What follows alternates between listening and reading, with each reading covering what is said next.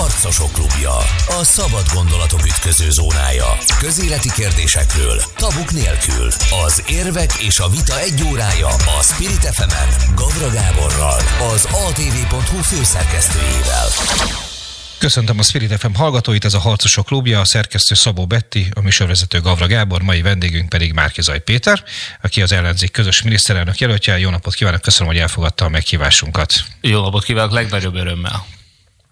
Uh, Tegnap már ugye ezt a műsort szerdán vesszük fel, és csütörtökön kerül adásba.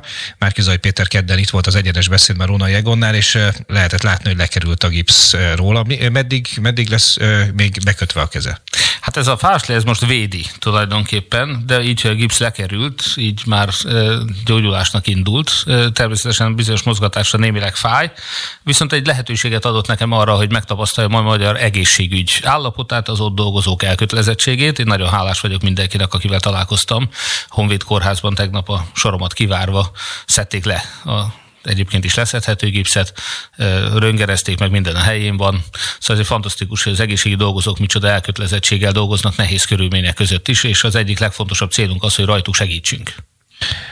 Beszéljünk akkor a célokról, jó? Először, amikor legutóbb itt volt a Harcosok klubjában, első alkalommal egyébként, az tavaly össze volt, az előválasztásnak még zajlott az első fordulója, ugye az egy elhúzódó procedúra volt, és még nem lehetett tudni, hogy ön bekerül a második fordulóba, bár már optimista volt.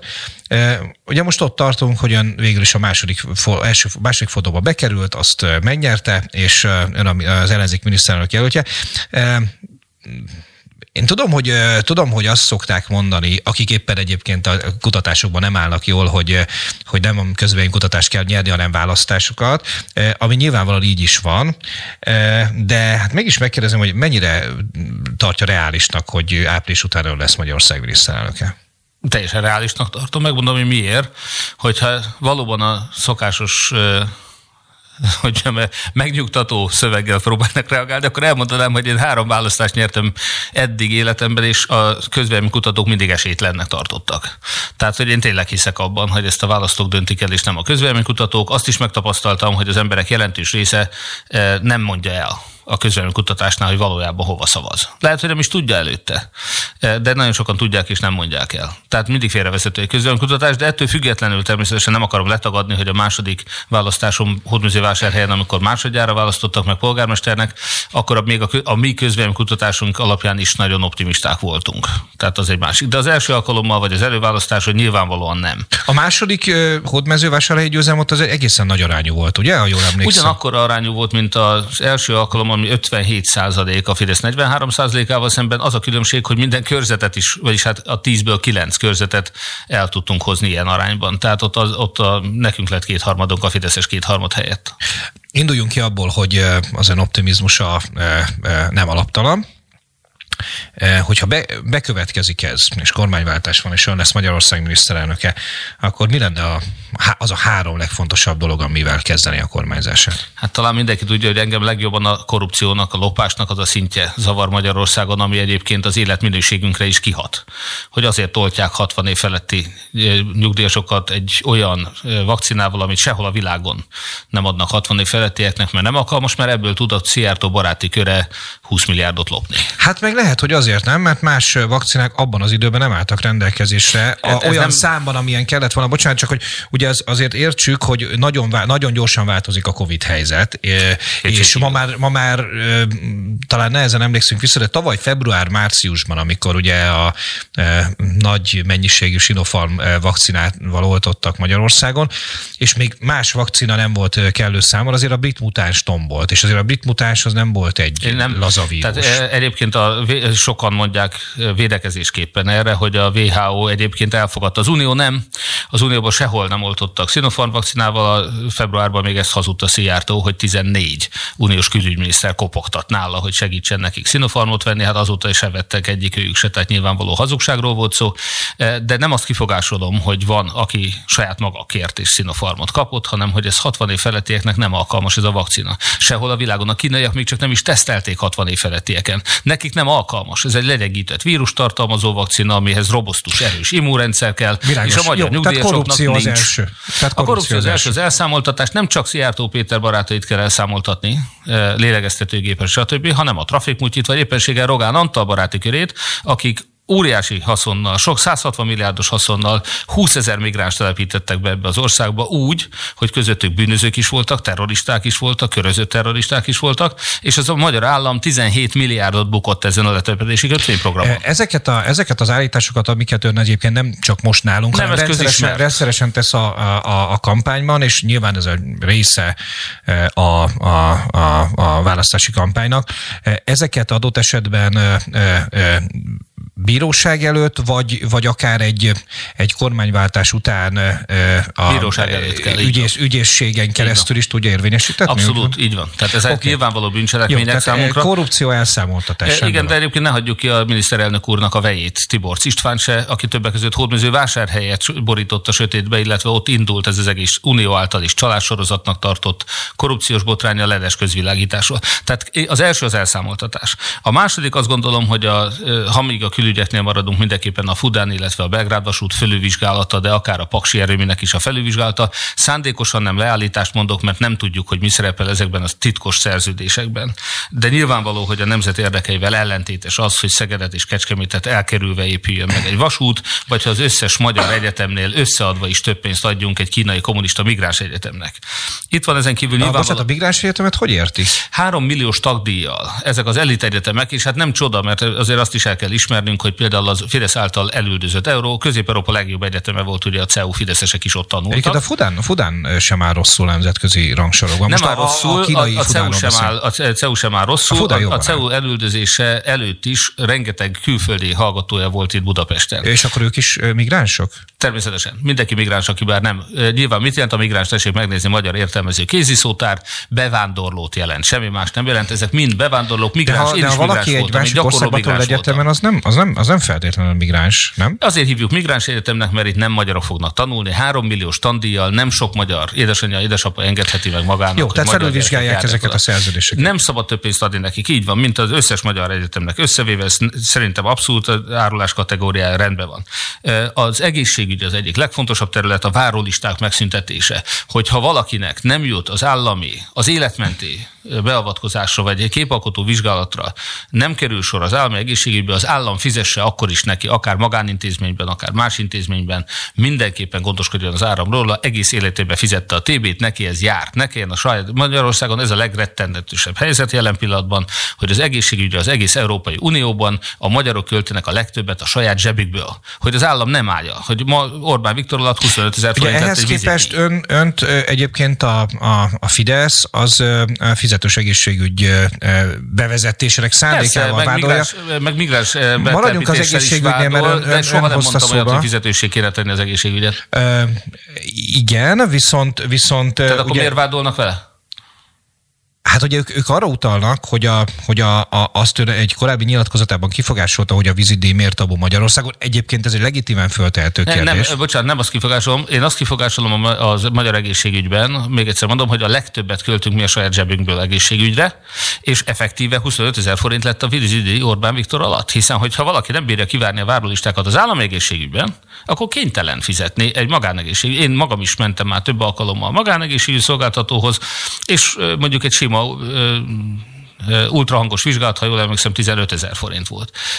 De megcsinálták néhány nappal a bejelentkezés után, 15 perc alatt elvégezték, ez ma Magyarországon az egészségügy. Mi azt gondoljuk, hogy ez jár a magyaroknak a befizetett tévér cserébe. Soha nem mondtam olyat, hogy fizetősé tennénk az egészségügyet, ellenkezőleg mindig tessék végignézni az elmúlt évben, két évben az összes nyilatkozatomat. Én mindig azt mondtam, hogy ahogy a nyugati gyakorlat is van, hogy független attól, hogy milyen konstrukcióban, üzleti konstrukcióban működik egy e, intézmény, Magyarországon is vannak ma is. Magán, egyházi, önkormányzati és állami. Ez négy szektor. Egészségügyi intézmények, meg szociális intézmények. Mi a szektorsemleges finanszírozást támogatjuk, hogyha az államiban valaki nem kap, vagy az önkormányzatiban nem kap e, megfelelő kezelést, nem tudnak, nincs kapacitás, nem tudják biztosítani, akkor a társadalombiztosítás az egyetlen biztosító. Mindig ragaszkodtam ehhez az egybiztosítós modellhez.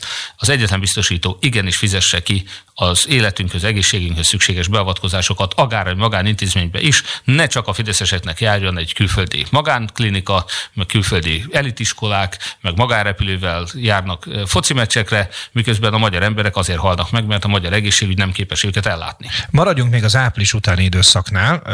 Ugye ez egy Hadd említsek még két konkrét példát is, akkor ez nagyon rövid lesz. Az egyik például a szabad tankönyvválasztás. Amellett, a tanároknak komoly béremelést kell adni, hogy az elvándorlás megálljon, nekik a szakmai szabadságok legalább ilyen fontos, a szabad tankönyvválasztással az innovációt felszabadítjuk.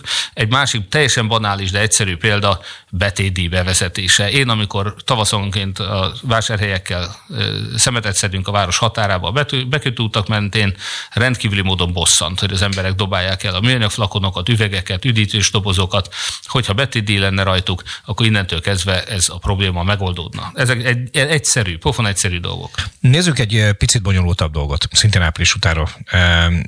Annak idején nyáron, nyár óta zajlik egy, eh, egy vita, és egyébként egy mm, elég fontos vita eh, arról, hogy mit kezdjen adott esetben a, a, egy, a, a mai ellenzék, hogyha kormányra kerül. Egyébként itt a Harcosok Klubjában például Dobrev Klárával beszélgettünk erről, és elég markáns véleménye is volt róla még, még, még a nyár, nyár, nyár elején, hogy, hogy mit kezdjen az, az ellenzék az, a, az Orbáni alaptörvényel, hogy önök szoktak fogalmazni, hogyha megvan a feles többség, de nincs meg a kétharmados többség.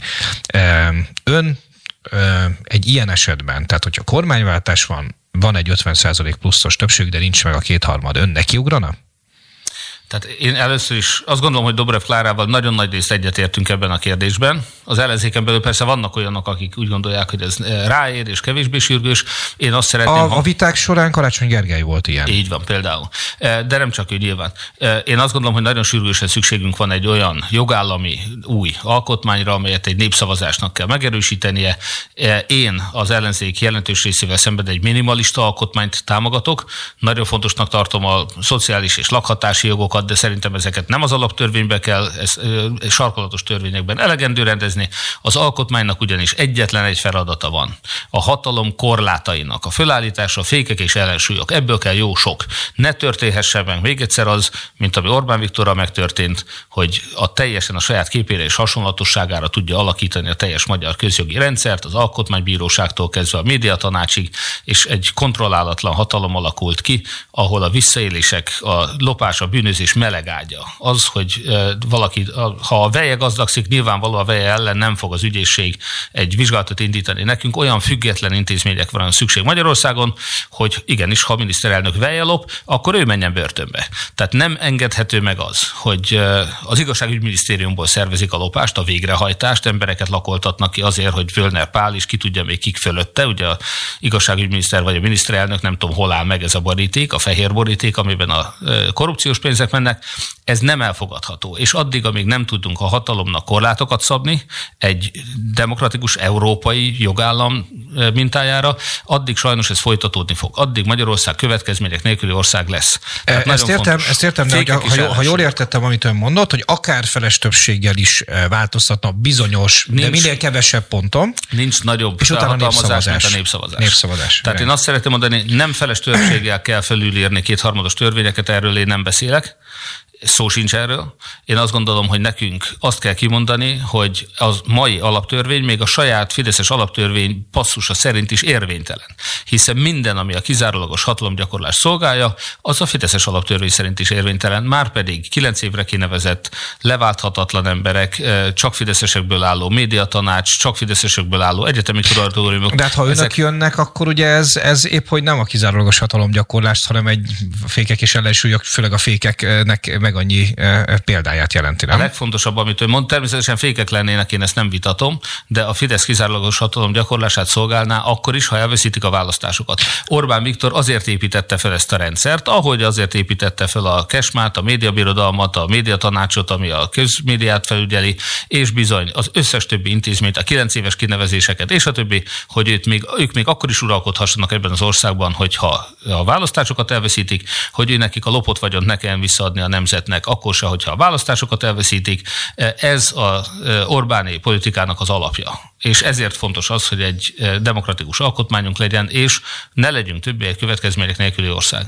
Ezt a, ami ön által demokratikus alkotmánynak nevezett jogszabályt a parlament elfogadja, vagy megvitatja, és elfogadja, és népszavazásra bocsátja? Vagy, Így van. Tehát ez lenne a cél. Én nekem, én nekem az a kérdésem, és hogy ha... hozzáteszem, azt szeretném mondani, hogy természetesen azt gondolom, hogy ha a Fidesz látja azt, hogy egyrészt elveszíti a választásokat, másrészt látja azt, hogy innentől kezdve az ő számára is szeretnénk egy új alkotmányt írni, én nagyon optimista vagyok, hogy ők is részt vesznek majd az alkotmányozási folyamatban, és végre teljes nemzeti konszenzus születhet meg a nemzet legfontosabb kérdéseit illetően.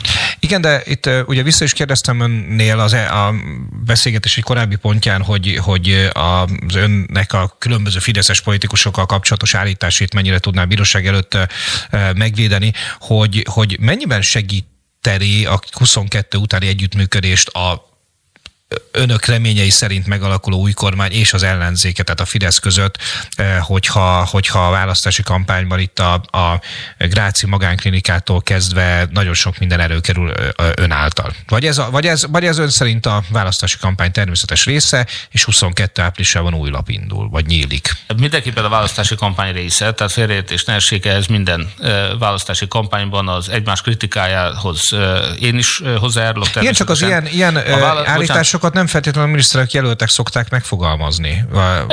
Én azt gondolom, hogy a miniszterelnök jelöltnek az a feladat, hogy minden olyan fontos problémát megfogalmazzon, amely, érde, amely érdekében akarunk most kormányt váltani, és igen, az, hogy ne csak a kiváltságosoknak járjon a megfelelő minőségű egészségügyi ellátás, ezt egy nagyon fontos kérdésnek tartom, és nyilván ezt szemléltetjük is ebben a kampányban. Ugyanígy a Fidesz által betelepített bűnöző migránsokat ki fogjuk tenni innen, nem a többi migránst, akit betelepítettek természetesen, de a bűnözőket igen. És vannak ilyen dolgok, amiket természetes, hogy meg kell vitatni. E, oda soha nem vetemednénk, e, hogy Orbán Viktornak a híres kijelentésének a szóhasználatát idézzem én is, hogy az ellenfeleimet hazugságokkal e, próbáljam leváltani. Tehát azt, amikor ők azt állítják rólunk, és nagyon sok ilyen hazugságot tudnék mondani, de hogy migránsokat akarunk betelepíteni, le akarjuk bontani a kerítést, fizetősi akarjuk tenni az egészségügyet.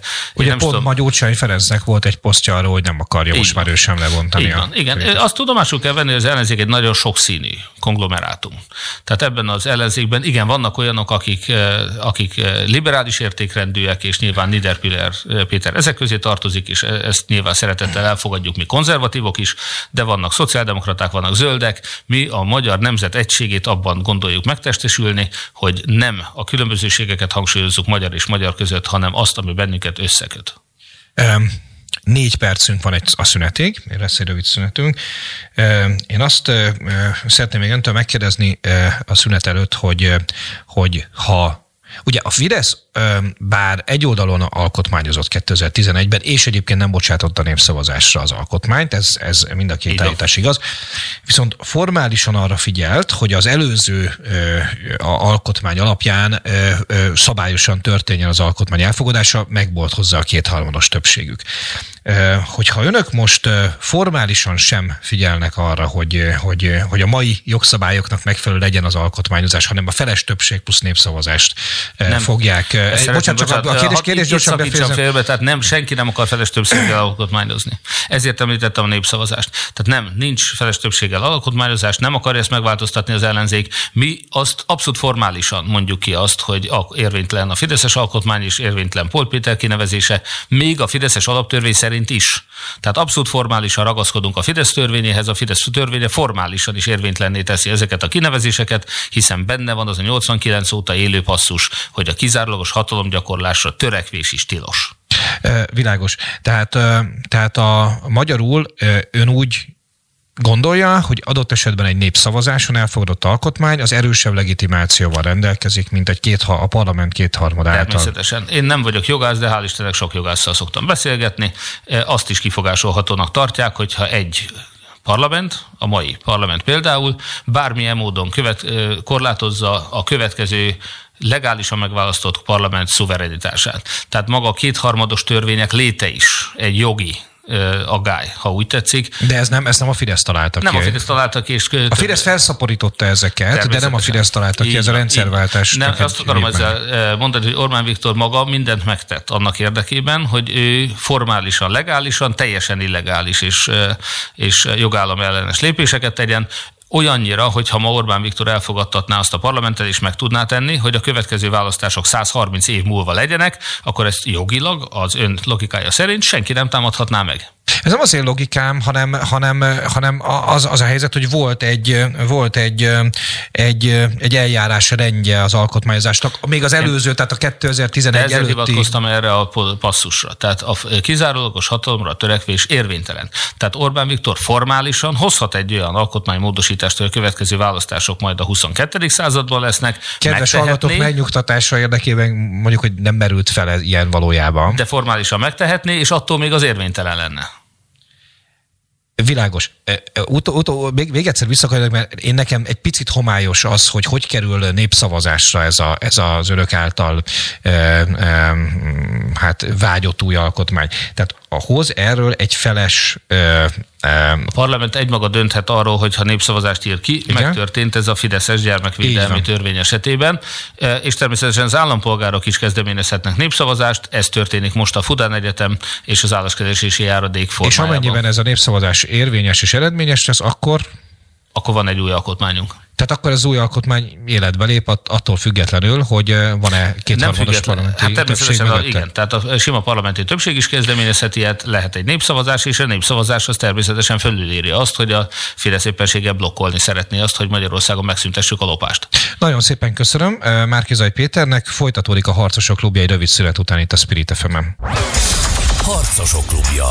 A szabad gondolatok ütköző zónája. Közéleti kérdésekről, tabuk nélkül. Az érvek és a vita egy órája a Spirit fm Gavra Gáborral, az atv.hu főszerkesztőjével. Folytatódik a Harcosok Klubja, a Spirit fm Gavra Gábor vagyok, a szerkesztő Szabó Betti, mai vendégünk pedig Zaj Péter, az ellenzék miniszterelnök jelöltje. Köszönöm szépen, hogy elfogadta a meghívásunkat. Amikor legutóbb még összeállít volt a Harcosok klubjában, akkor Gurzó Ákos eh, kísérte. Mi történt Gurzó Ákossal? Eltűntem mellől. Hát Gurzó Ákosról tudni kell, hogy Floridában és New Yorkban élt, eh, hogy mondjam, folyamatosan a párjával, és a mi kampányunk kedvéért jött haza Magyarországra. Mármint az előválasztási haza, Az előválasztás során, ez még tavaly májusban történt, és most az előválasztás után nyilván folyóügyek és egyéb elintézése ügyében visszament az Egyesült Államokba, és most hétvégén tért vissza Magyarországra ismét, és bekapcsolódott a kampányba, tehát az elmúlt napokban már Ákos ismét teljes erővel a közös sikerért dolgozik. Mint micsoda? Ő kommunikációs területen van nálunk is, felelős vezetői pozícióban. A Simon András vezeti ugye a kommunikációt, Zarán Péter a kampányfőnök és a Ákos az a kommunikációs területnek az egyik felelős vezető. Tehát Simon Andrásnak és Zarán Péternek a, a megbízását nem érintette? Nem, nem, nem. Természetesen, sőt van egy új sajtófőnökünk, akivel ma érkeztem, Péter Fiudit. Ő is több mint egy hete csatlakozott a csapathoz, és hát már is nagyon sok mindent segített nekem. Nagyon örülök, hogy ilyen jó szakemberekkel tudunk együtt dolgozni. Na nézzük egy picit a, a népszavazást. Ugye beszélgettünk az első részben sokat a népszavazásról, de akkor még a önök által remélt 22 áprilisa utáni népszavazásról, egy esetleges új alkotmányról. Most viszont zajlik egy aláírásgyűjtés egy másik népszavazásnak a Fudán ügyben, illetve az álláskeresési járadék ügyében. Hogy állnak most? Hát az én tudomásom szerint már több mint 150 ezer aláírás összegyűlt a szükséges 200 ezerből. Természetesen, hogyha figyelembe vesszük azt, hogy az ellenőrzések során bármilyen problémát észlelnek, akkor e, nagyobb mennyiség kell ehhez, tehát mi mondjuk 230 ezer aláírás szeretnénk összegyűjteni. Az, hogy az elmúlt egy hétben 50 ezer aláírással nőtt a eddigi szám az önmagában is rendkívül biztató, de én a tisztelt hallgatókat is arra kérem, hogy aki még eddig nem tette meg, az csatlakozzon hozzánk, akár aktivistaként, akár csak egy egyszerű aláírás, egy percet igényel Budapest közterén, megyei városokban is gyűjtenek aláírásokat, szinte valamennyi párt irodán gyűjtenek, szálljanak egy percet és támogassák az aláírás gyűjtési kezdeményezéseinket. Két nagyon fontos kérdés valóban, diákváros legyen és ne kínai kommunista migráns egyetem, illetve most legalább a Covid alatt, amikor éppen a hivatalos állami statisztikák szerint is immár 460 napba telik egy álláskeresőnek, hogy állást találjon, akkor ne három hónapig járjon neki a járadék, hanem kilenc hónapig. Nem csalódás-e az, hogy ugye ahogy, amit lehetett olvasni így az elmúlt napokban, hogy hát azért önök alapvetően december 31-ig tervezték ezt a 200 aláírást összegyűjteni, hogy ez, ez, ez, ez valós, valós remény volt? Tehát önök tényleg ebben bíztak? Őszintén szóval nyilván ezt elég hamar meggondoltuk, vagy felülírtuk ezt a számítást. Miért? Ez egy komoly beszélgetés volt. A hat párt közül egyetlen egy támogatta azt, hogy valamiféle, és ez még az előválasztási, bocsánat, az a népszavazási aláírásgyűjtés előtt volt, hogy legyen egy nagyon komoly kampány, az előválasztási kampány és a választási kampány között. Melyik párt volt ez? Minden, nem akarok se, az összes többire se akarok semmi negatívat mondani, és ez nem is negatív. A többiek úgy döntöttek, és én magam is megértettem és támogattam ezt az álláspontot, hogy az aktivistáinknak is szüksége van nem csak pihenésre, hanem olyan fajta feltöltődésre is, amit a karácsonyi időszakban a családjuk körében megtesznek. Tehát bár vannak olyan hősök, nagyon sokan, akik a karácsonyi időszakban is gyűjtötték az aláírásokat, kint voltak szélben, hóban, fagy fagyban a köztereken, és ezt nagyon nagyra értékeljük. Mi szándékosan döntöttük úgy, hogy januárban fogjuk folytatni nagy intenzitással az aláírásgyűjtő kampányt. Hát, hogy más nem mondjak, egy héttel ezelőttig 100 ezernél jártunk, most 150 ezerre járunk. Egy hét elteltével. Tehát most kapcsolt egy magasabb fokozatra azért, hogy az aktivisták feltöltődését és családi programjait ne zavarjuk ezzel. Na most itt volt a szomszédos épületben január elején Barabás Rihárd a párbeszédtől, és ő azt mondta, hogy ha január tizedikéig sikerülne összegyűjteni az aláírásokat, akkor komoly nyomást lehetne gyakorolni az állami szervekre, hogy egyszerre tartsák meg a, ezt a, erről a két kérdésről a népszavazást, a gyermekvédelmi népszavazással és a, az áprilisi országgyűlési választással.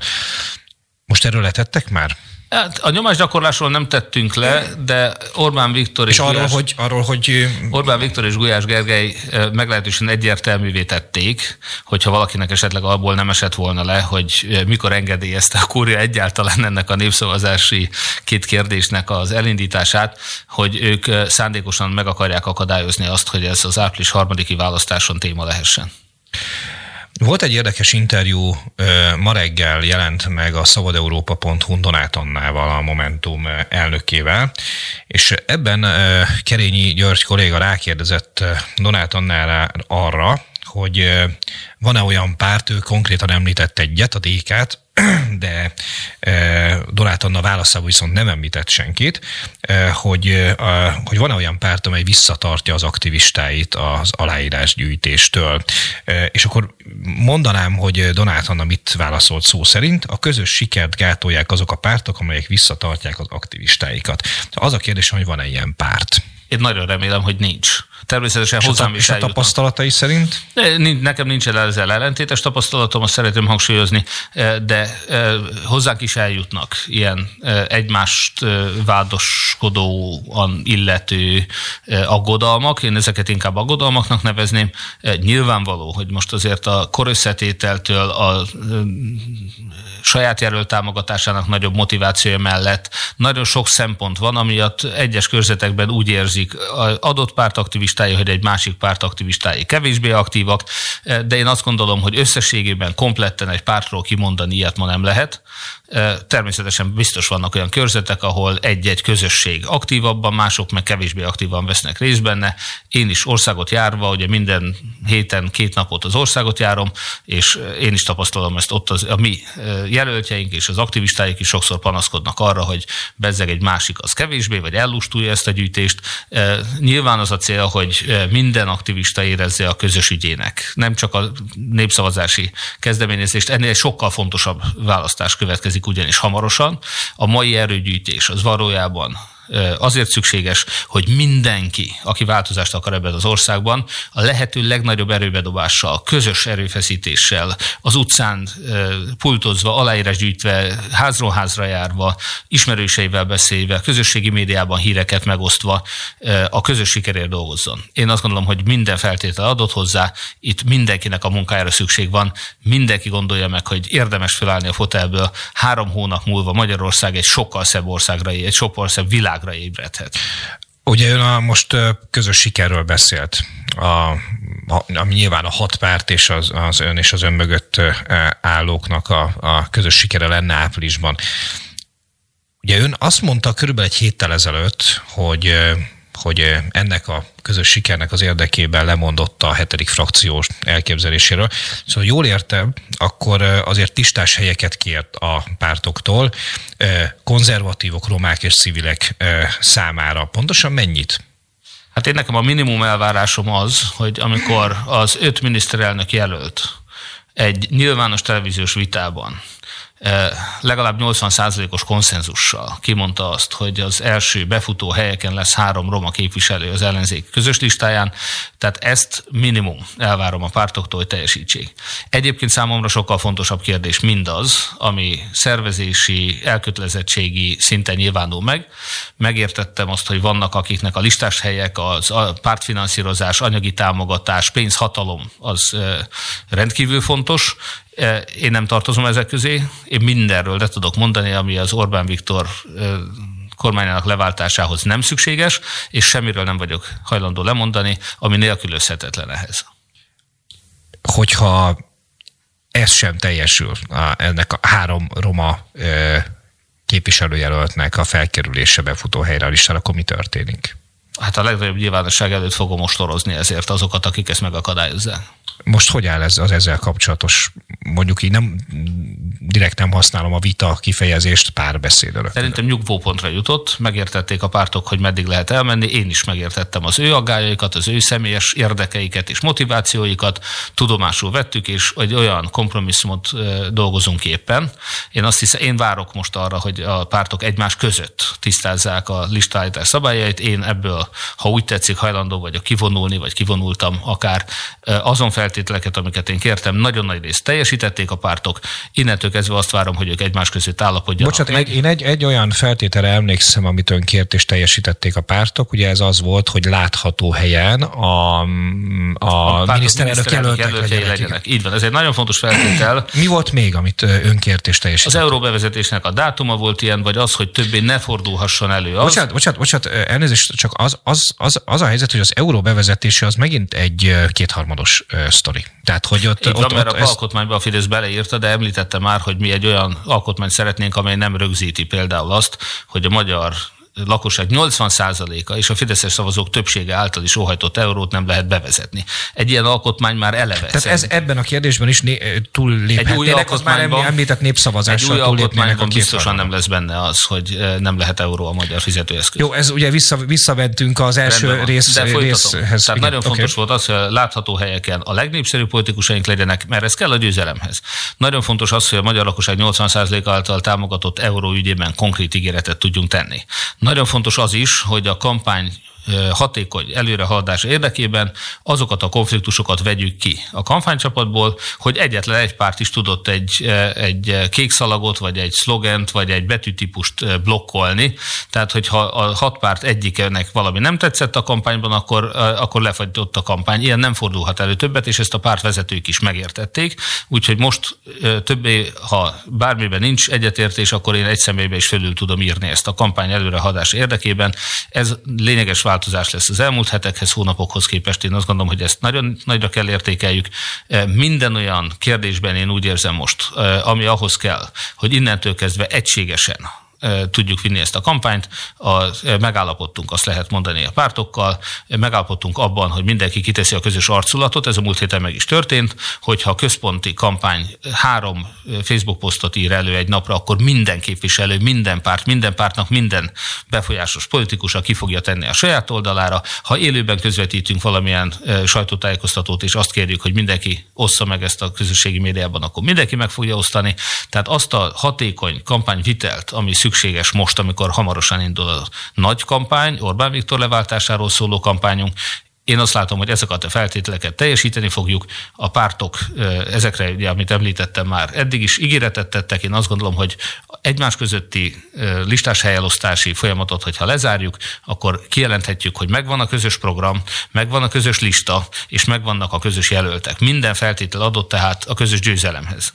Decemberben ön adott egy interjút a Szabad Európának szintén. Ugye említettük már Donát Annával kapcsolatban ezt a portált és akkor ön arra a kérdésre, hogy lát-e arra esélyt vagy törekvést, hogy januárban önt Jakab Péter és Gyurcsány Ferenc megpróbálnák lecserélni, egyébként éppen Donát Annára, hát nem, nem mondott kategorikus nemet.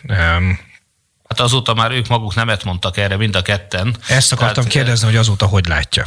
Én azt, tehát én azt látom, hogy ha előtte felismerült valakiben, ezt ők maguk, saját maguk ezt cáfolták, kijelentették, és ezt a kijelentést szeretném mindenkinek az eszébe vésni, hogy vagy velem együtt fog győzni ez az ellenzék, vagy sehogy. Tehát Ezt az, ugye egy Gyurcsány Ferenc is kiírta a Egy Gyurcsány Ferenc ki is írta, Jakab Péter is megerősítette, tehát innentől kezdve szeretném üzenni az ő szavaikat is idézve mindenkinek, aki ezen a kérdésen akar még rugózni, hogy ezzel nincs esély. Hozzáteszem, hogy addig is tiszta kellett legyen mindenkinek, hogyha a londoni elemzők az előválasztás másnapján az én győzelmem miatt Orbán Viktor leváltásának esélyét 20-ról 40 ra emelték, akkor tessék tudomásul venni, hogy hat ellenzéki párt is csak akkor győzhet, hogyha mi meg tudjuk szólítani a konzervatívokat, civileket, romákat.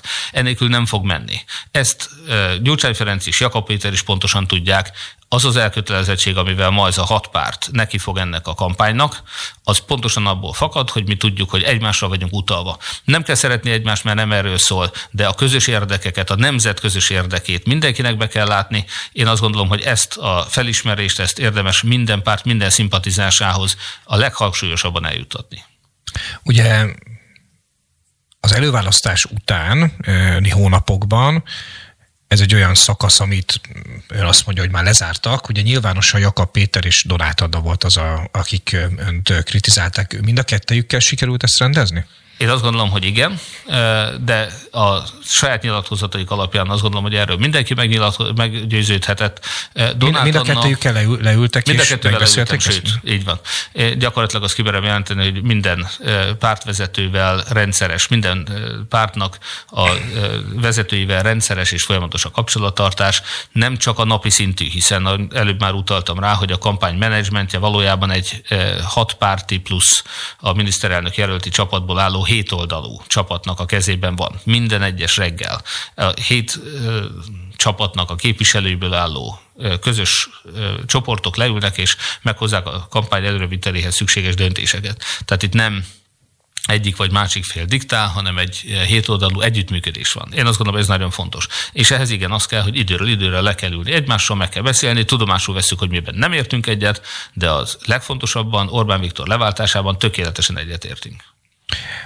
Már volt szó róla, hogy keddeste, tehát a felvételünkhöz képest tegnap, az adásba kerüléshez képest tegnap előtt este Róna Jegon vendége volt az egyenes beszédben, és többek között arról beszélt, hogy mindenki, aki az előválasztáson nem mérette meg, nem mérette meg magát, és ezután el akar indulni a választás, ugye ez alapvetően Gattyán Györgyel kapcsolatban került ott szóba, az valójában a Fidesz érdekét szolgálja, mert megosztja az ellenzéki szavazókat. Na most ugye azt mondta, hogy, hogy a, akár, hogyha megkeresik, akkor Gattyán Györgyel szívesen tárgyal, és egyébként a kétfarkú kutyapártot meg már megkérte arra, hogy, hogy vegyenek részt az előválasztásra, illetve ígért nekik listás helyet is az nem tartja méltánytalannak, hogy a, a Gattyán Györgynek a frissen alakult pártjához hasonlítja ebben, ebből a szempontból a kétfarkú kutyapártot, mert hát azért a kétfarkú nem kutyapárt... Nem hanem Egon, Róna Egon hasonlítottam. De azt mondta, hogy ebben a, ebben a szerep...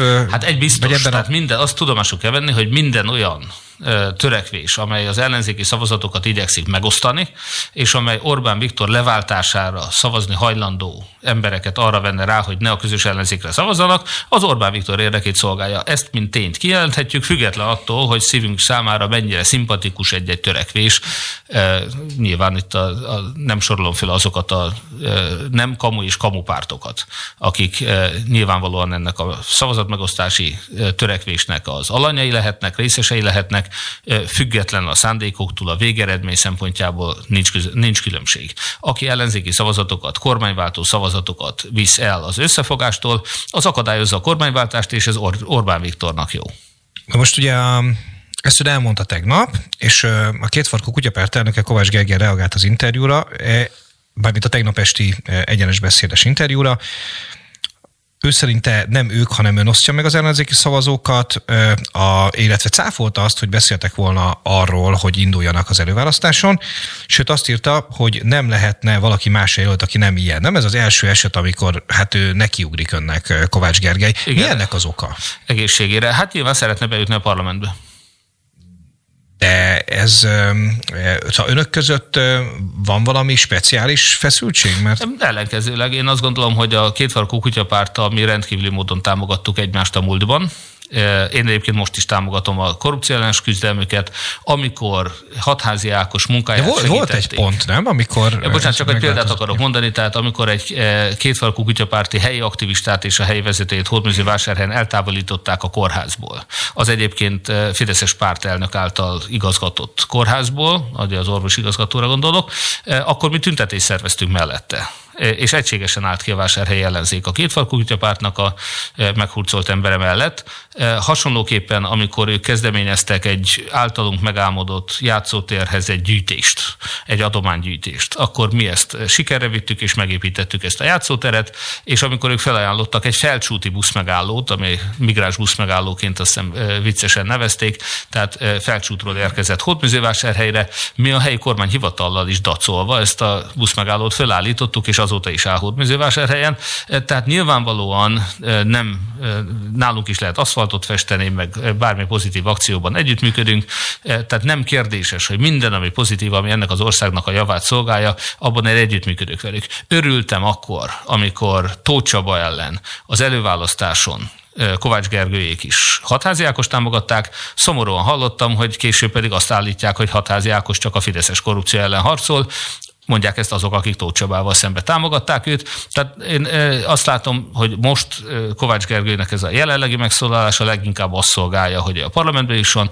Ha ez véletlenül, és ő is kijelentette már többször, hogy nem Orbán Viktor hatalmon tartásának a szándékával megy, véletlenül előfordulhat, hogy pont ezen fog múlni. Nagyon szomorú lennék, ő is szomorú lenne. Én csak ennek szoktam hangot adni. Nem kételkedem abban, hogy ő egy elkötelezett korrupciós harcos. Számomra millió más módja van annak, hogy hogyan tudjuk őket támogatni, úgy, hogy Orbán Viktort is leváltsuk közben. Körülbelül 5 percünk van a beszélgetésből, és, és van egy olyan téma, ami mostanában minden interjúval szóba kerül, ami, amit ön mi se hagyhatjuk ki. Ugye, hát fogalmazzunk diplomatikusan, ön a szabadon beszélő politikusok egyike, tehát nagyon nehéz kordában tartani az ön mondandóját. Nem mindig sikerül a stábjának sem, ezt ugye ön, maga Igen. mondta. Róna Jegon kollégám rá, rá is kérdezett az egyenes beszédben arra, hogy, hogy ott óhajtja folytatni a vasárnap esti e, e, videókat. És mondta, hogy. És, és, mondta, és mondta, hogy óhajtja. Ugye azt, azt is mondta, hogy ezzel önnek az a célja, hogy szeretebb országot építsen fel. Most nem a vasárnap. Nem, nem, nem. Azt nem akarom ha, állítani, hogy a vasárnap esti élő bejelentkezései a legfontosabb. A, a, konk- a, konkrét, a konkrét kijelentések, az amit, az igen, igen, az fontos. Igen, na most hát ugye a Harcosok klubja azért nem egy PC fél óra, és, és itt szeretünk szabadon beszélni, de azért amikor az elmúlt néhány hónapban azért volt önnek egy-két meredek megszólása, amikor politikusok, politikusok azok hozzátartozóinak eh, eh, vélt vagy valós szexuális orientációjáról beszélt, amikor éppen arról elmélkedett, ugye ez volt a, a, a legutóbbi eh, vasárnapi bejelentkezésében ez került szóba, hogy, hogy a rivális politikai erőben hány zsidó van. Szóval nem, hogy lesz, hogy egy, lesz szerete ország? Egy szóba kötöttek bele, nem. Ellenkezőleg én azt kifogásoltam, hogy engem a Fidesz hol egy Soros Bérencnek titulál, hol antiszemitának, nyilvánvalóan mind a kettő alaptalan, de egymás teljesen kizáró feltételezések. Mennyire szánalmas az a Fidesz kampány, amely Izraelben engem antiszemitizmussal vádol, itt meg Soros Bérencséggel. Tehát én azt látom, hogy a Fidesz mindenféle hazugságra hajlamos. Mindenféle hazugságra hajlamos, miközben gyűlöletet kelt emberek ellen, nem csak antiszemita, hiszen ők kitüntetik az antiszemitákat. A Fidesz az abszolút erről szól Hát ne haragudjanak, az állami, magas állami kitüntetést adni egy híresen antiszemita embernek, és ezek után bárki mást antiszemitizmussal vádolni, ez pont olyan, mint bennünket vádolni migráns betelepítéssel, miközben tízezrével és csak és kizárólag a Fidesz telepít be migránsokat Magyarországra.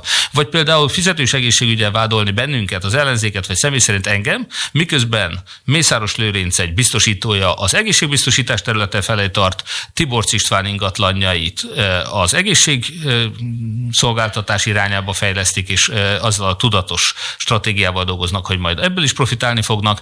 A fideszes oligarchák folyamatosan már most is magánkórházakat üzemeltetnek, és a BCG-től rendel meg a Fideszes minisztérium én ezt, én olyan tanulmányokat, és, és... csak ezt a mondatot hadd fejezem be, az egészségügy magánosításáról dolgoztatnak ki tanulmányokat szakértőkkel sok millió forintért a Fideszes minisztériumok, ugyanazokkal, akik ezt a programot egyébként Szlovákiában már végrehajtották. Tehát e, miután a Fidesz fizetősé és, és magánosítva akarja működtetni az egészségügyet, csak a választások utára idézítette ezt, ezek után letámadni az ellenfelet, aki soha nem mondott olyat, hogy fizetősé akarná tenni az egészséget, ez rendkívül gusztustalan. Én ezt értem, és nyilván azt az állítását is tudja igazolni, hogy a Fidesz a választás után fizetősé akar jönszerinteni az egészségügyet. De térjünk vissza a, a most vasárnapi bejelentkezésére, hogy most is elmondaná ugyanezeket a, a mondatokat, amiket akkor elmondott?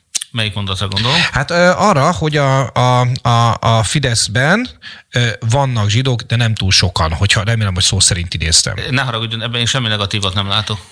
Nem mondtam, hogy van benne negatív. Akkor Én azt kérdeztem, hogy elmondaná, elmondaná ugyanezt. Valószínűleg nem mondanám el, látva ezt a e, cunamit, amit erre megpróbáltak felépíteni. Még egyszer mondom, nagyon vicces ez. Magyarország egyetlen rasszista pártja a Fidesz, nyilván itt a szatellit pártjával együtt értjük a Fideszt. Az egyetlen rasszista párt, és azt próbál bennünket, tisztességes, becsületes keresztény embereket rasszizmussal vádolni. Tehát ez engem végtelen fölháborít. Ugye ön az most is elmondta, és tegnap az egyenes beszédben is elmondta, hogy nem antiszemita, hiszen uh, ahogy fogalmazott, szeretettel beszélt a, Abszolút, a zsidó honfitársainkról. Ez a, ez a én ezt, én ezt én, én nem hallottam öntől még antiszemita kijelentést, tehát, de, hogy, de hogy miért, miért ennyire fontos ezzel foglalkozni? Bocsánat, a téma az nem én nekem köszönhető, hanem a Fidesztek.